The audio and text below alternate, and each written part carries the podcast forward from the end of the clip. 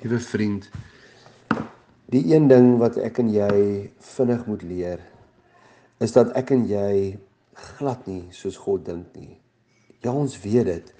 Maar ons weet nie in watter mate dit waar is nie. Want jy sien, wat ons doen is ons doen baie keer 'n um, humanitêre projeksie of persoonlike projeksie. Ons dink oor sekere goed in die wêreld op 'n sekere manier en dan dink ons God dink ook so.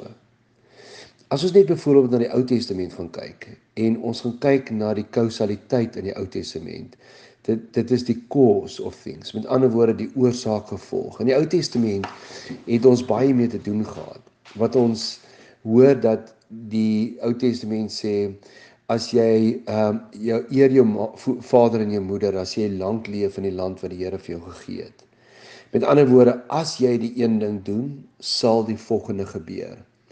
As jy goed doen, sal jy seëninge beleef.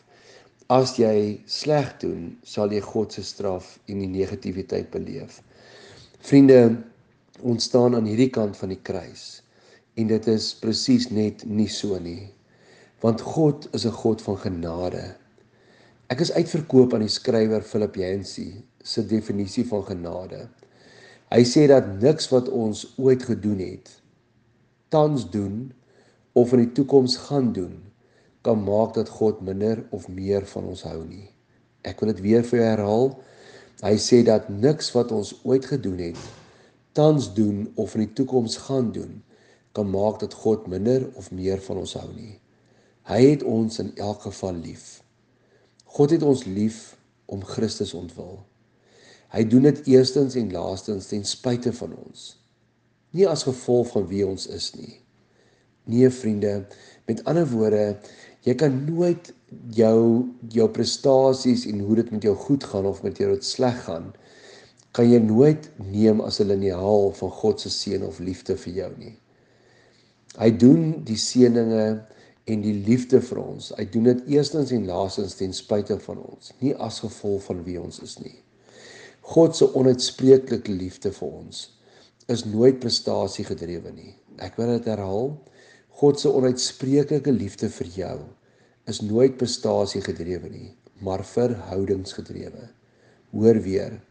Hy kyk nie wie van ons die meeste vir hom doen en dan het hy ons die meeste lief nie. Nog minder hou hy meer van ons as ons die slag gehoorsaam gehoorsaam aan hom is en minder van ons as ons die dag struikel. Nee vriende, God het vir jou lief. Hy het sy lewe vir jou afgelê en hy wil in 'n verhouding met jou staan.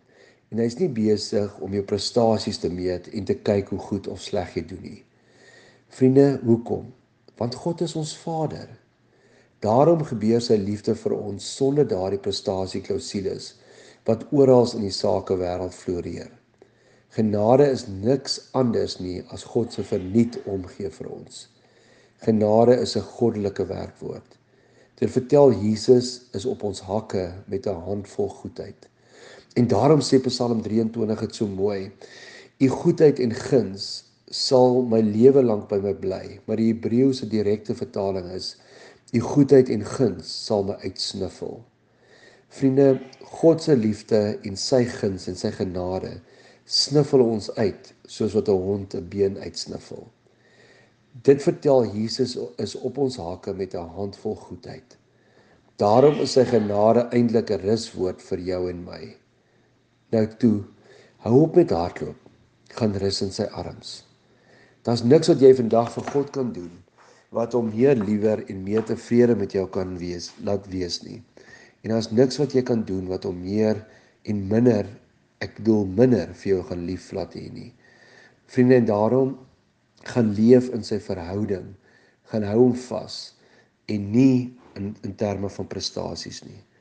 Ek weet die meeste van ons het groot geraak met dat ons moes presteer en ons moes goed gedoen het. Ehm um, voordat ons voel maar ons is die moeite werd. By God is dit net anders.